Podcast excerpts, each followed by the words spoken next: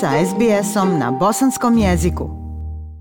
Dok se milioni ljudi širom Australije pripremaju za povratak u ured, novo istraživanje sa Univerziteta Macquarie pokazuje gdje uposlenici rade najbolje, ali i najgore. Kada je proglašena pandemija koronavirusa, bezbroj ljudi širom svijeta prešlo je s posla u uredskom okruženju na rad od kuće. Poslovni direktor kompanije Adeco Group u Bangkoku, Ashley Elcock, bio je jedan od takvih to spend more time with my my children has been fantastic. I've been able to be more flexible in, in regards to when I work, so I wasn't working Bilo je fantastično provoditi više vremena sa svojom djecom. Mogao sam biti fleksibilniji u odnosu na vrijeme kada sam radio u uredu, pa nisam radio tradicionalne sate od 9 do 5 sati poslje podne.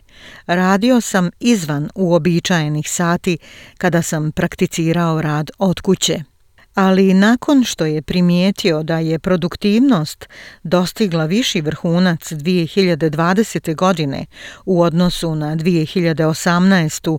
ili 2019. godinu, toga je navelo na razmišljanje. I thought something's not right here. Um, either work from home works brilliantly or potentially there's something else at play.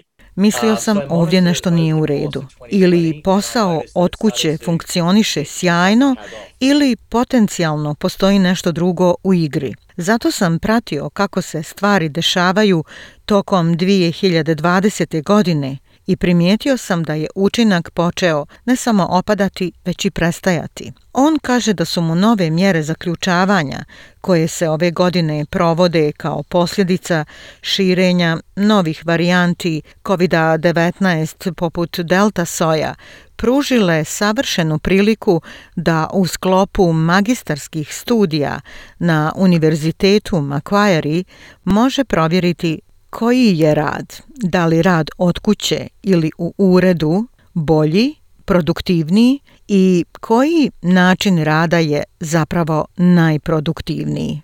Maroš Sarvatka, profesor je ekonomije na Macquarie Business School i mentor gospodina Elkoka.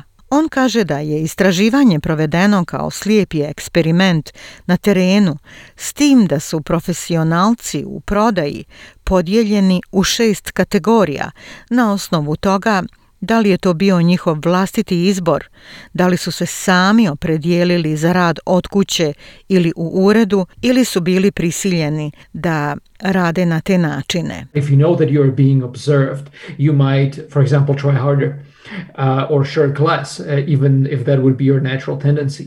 And so, um, Ako this, znate da uh, ste uh, blind, objekt posmatranja, mogli biste se, na primjer, više potruditi ili manje izbjegavati, čak i ako bi to bila vaša prirodna sklonost.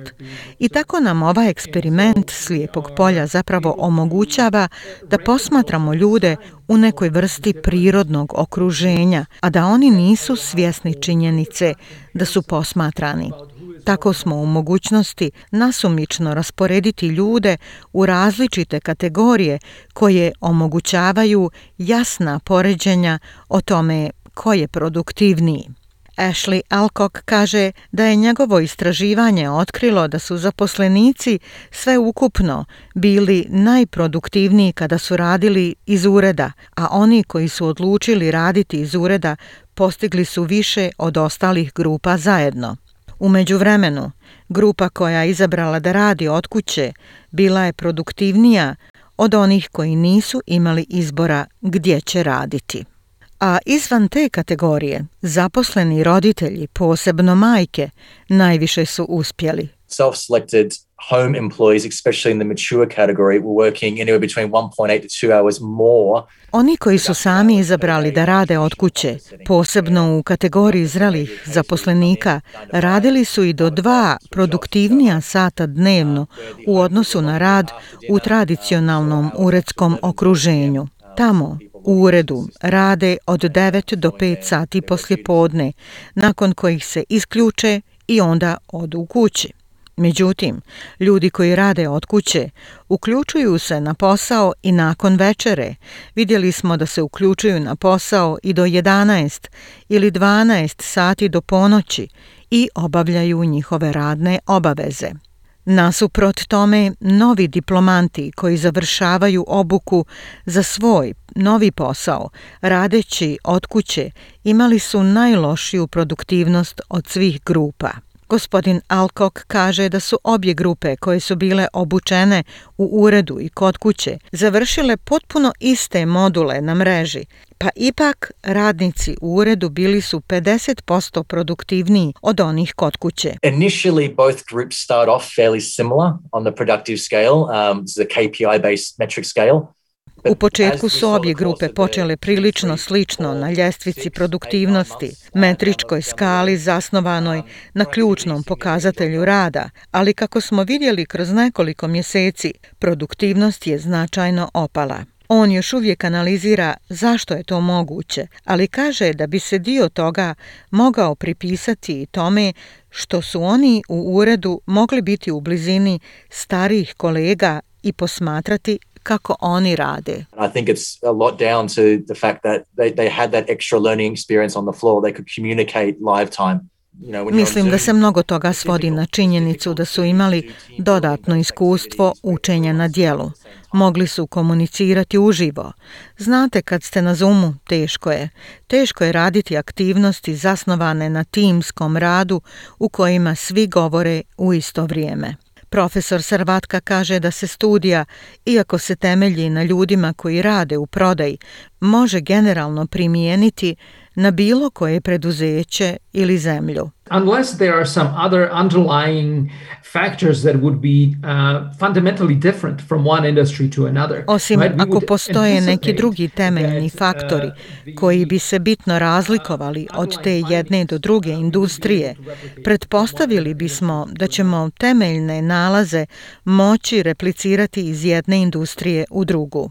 Izvještaj Komisije za produktivnost objavljen u septembru mjesecu 2021. godine kaže da je oko 8% Australaca radilo od kuće barem neko vrijeme prije pandemije. Međutim, ta brojka je porasla na oko 40% nakon uvođenja restriktivne mjere o boravku kod kuće u mnogim državama, a predviđa se da će ostati na sličnom nivou čak i dok se ograničenja i dalje ublažavaju. Profesor Sarbatka kaže da očekuje da će se u bliskoj budućnosti mnoge kompanije prilagoditi načinu poslovanja, te da se nada da će eksperimentisati s novim modelima koji će omogućiti radnicima da izaberu veću fleksibilnost. Allowing employees to work from home if they can be equally productive can also signal trust Dopuštanje zaposlenicima da rade od kuće, ako mogu biti jednako produktivni, također može signalizirati povjerenje. A povjerenje je jedan od temeljnih faktora kada su u pitanju Produktivnost i radni odnosi i kompanije sada imaju priliku da to zaista iskoriste.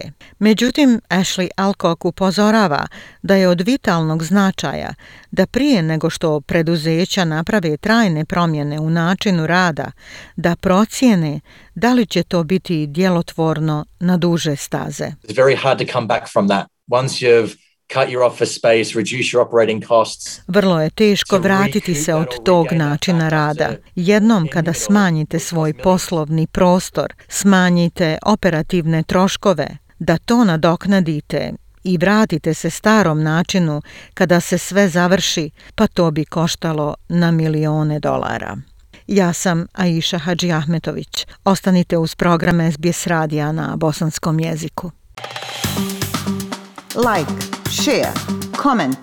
Pratite SBS Bosnian na Facebooku.